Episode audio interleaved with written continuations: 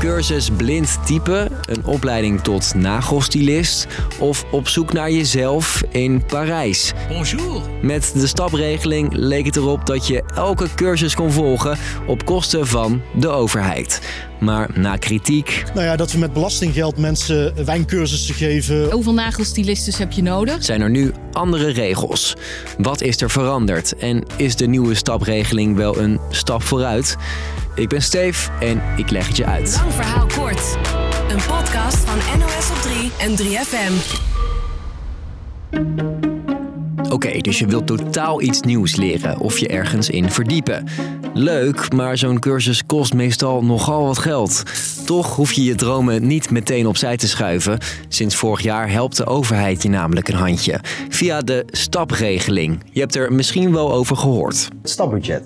Creëer meer kansen voor je persoonlijke en professionele ontwikkeling. STAP staat voor Stimulering Arbeidsmarktpositie. Het is een subsidie van 1000 euro en iedere twee maanden kan je je daarvoor aanmelden. Online kan je kiezen uit een rijtje cursussen, vul je een formulier in en als je er op tijd bij bent, ja, is soms net alsof je een festivalticket probeert te fixen, betaalt de overheid de rekening. Die regeling is niet bedoeld voor een gezellige hobbycursus. De overheid hoopt dat je zo makkelijker aan een baan komt, je meer leert over je vak of helemaal van baan switcht. Minister van Gennip van Werkgelegenheid legt uit. Dat is nodig voor iemand die in de thuiszorg werkt en die door een opleiding een betere thuiszorg kan zijn. Dat is nodig voor iemand die werkloos is en daardoor wel aan de bak komt in plaats van aan de kant zit. Maar niet alle cursussen waar vorig jaar dat geld naartoe ging, hielpen bij een betere baan, geeft minister van Gennip toe. Tegelijkertijd zijn er natuurlijk inderdaad in Nederland helaas opleiders die de grenzen opzoeken van wat er kan. Eh, of er zelfs ruim overheen gaan. En daar kwam kritiek op. Zo zouden sommigen wel heel veel geld verdienen aan de stapcursussen, zoals Miss Bitcoin. Mijn naam is Madelon Vos en vandaag praat ik je natuurlijk weer bij over het laatste macro-economisch nieuws. En ook duiken we dieper in... Volgens het onderzoeksplatform Follow the Money gaf zij training aan 2500 mensen en daar zou ze 2 miljoen euro mee hebben verdiend in een jaar. En uit onderzoek van RTL Nieuws blijkt dat mensen via trucjes zoveel mogelijk probeerden te verdienen via de stapregeling. Na kritiek, ook uit de Tweede Kamer, zijn de stapregels nu aangepast. Zo kun je au revoir zeggen tegen die ontdekkingstocht in Parijs. Want buitenlandse reisjes mogen niet meer. Lessen volg je met maximaal 300 leerlingen tegelijkertijd. En er wordt strenger gecontroleerd of een cursus je wel echt verder helpt in je carrière. En dat betekent einde verhaal voor sommige opleidingen. Zoals die van Arno van den Munkhoff van hypnoworld.nl. opleiding op het gebied van, eh, van hypnotherapie in eh, eigenlijk de ruimste zin van het woord. Niet alle hypnotherapie-cursussen werden gecanceld. We hebben eigenlijk alle cursussen verwijderd die niet direct arbeidsmarkt gericht waren, maar die meer gericht waren op, eh, op persoonlijk vlak. Eh, om je beter te voelen, beter je vel te voelen, zeg maar. Die cursussen, als dat eh, het doel was van de cursus, dan hebben wij de cursus weggehaald. Arno snapt die nieuwe regels wel, zegt hij. En daarom besloot hij al zelf, al voordat hij op zijn vingers werd getikt, de trainingen te schrappen. Als het bij ons twijfel eh, zaait, dan zaait het ook daar twijfel, zeg maar.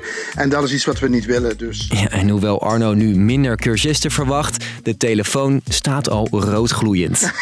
Ja, het is heel druk op dit moment, moet ik zeggen. Het is eh, ja, de dag waarop dat stapbudget kan, kon worden aangevraagd. Ik heb inmiddels doorgekregen dat dat niet mogelijk is vanwege technische storingen. Er zijn veel mensen die op dit moment inderdaad bellen eh, met, eh, met vragen daarover. Maar door al die nieuwe regels moeten niet alleen clubs zoals Hypno World cursussen schrappen. Er zijn nog veel meer opleidingen die de boot missen. Dat is het kind met het badwater weggooien.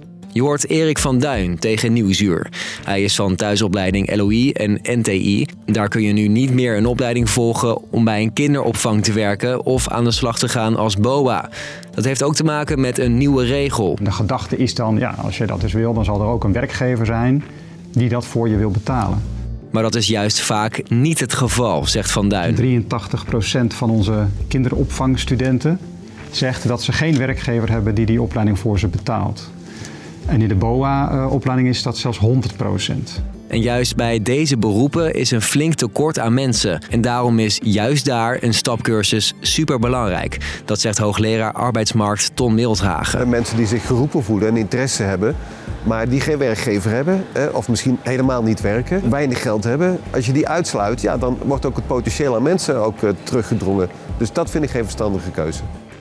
Op het moment dat we deze podcast maken, kan nog niemand zich aanmelden voor een cursus.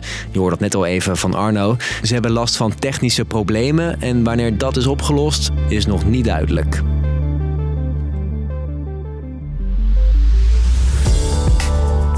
Dus, lang verhaal kort.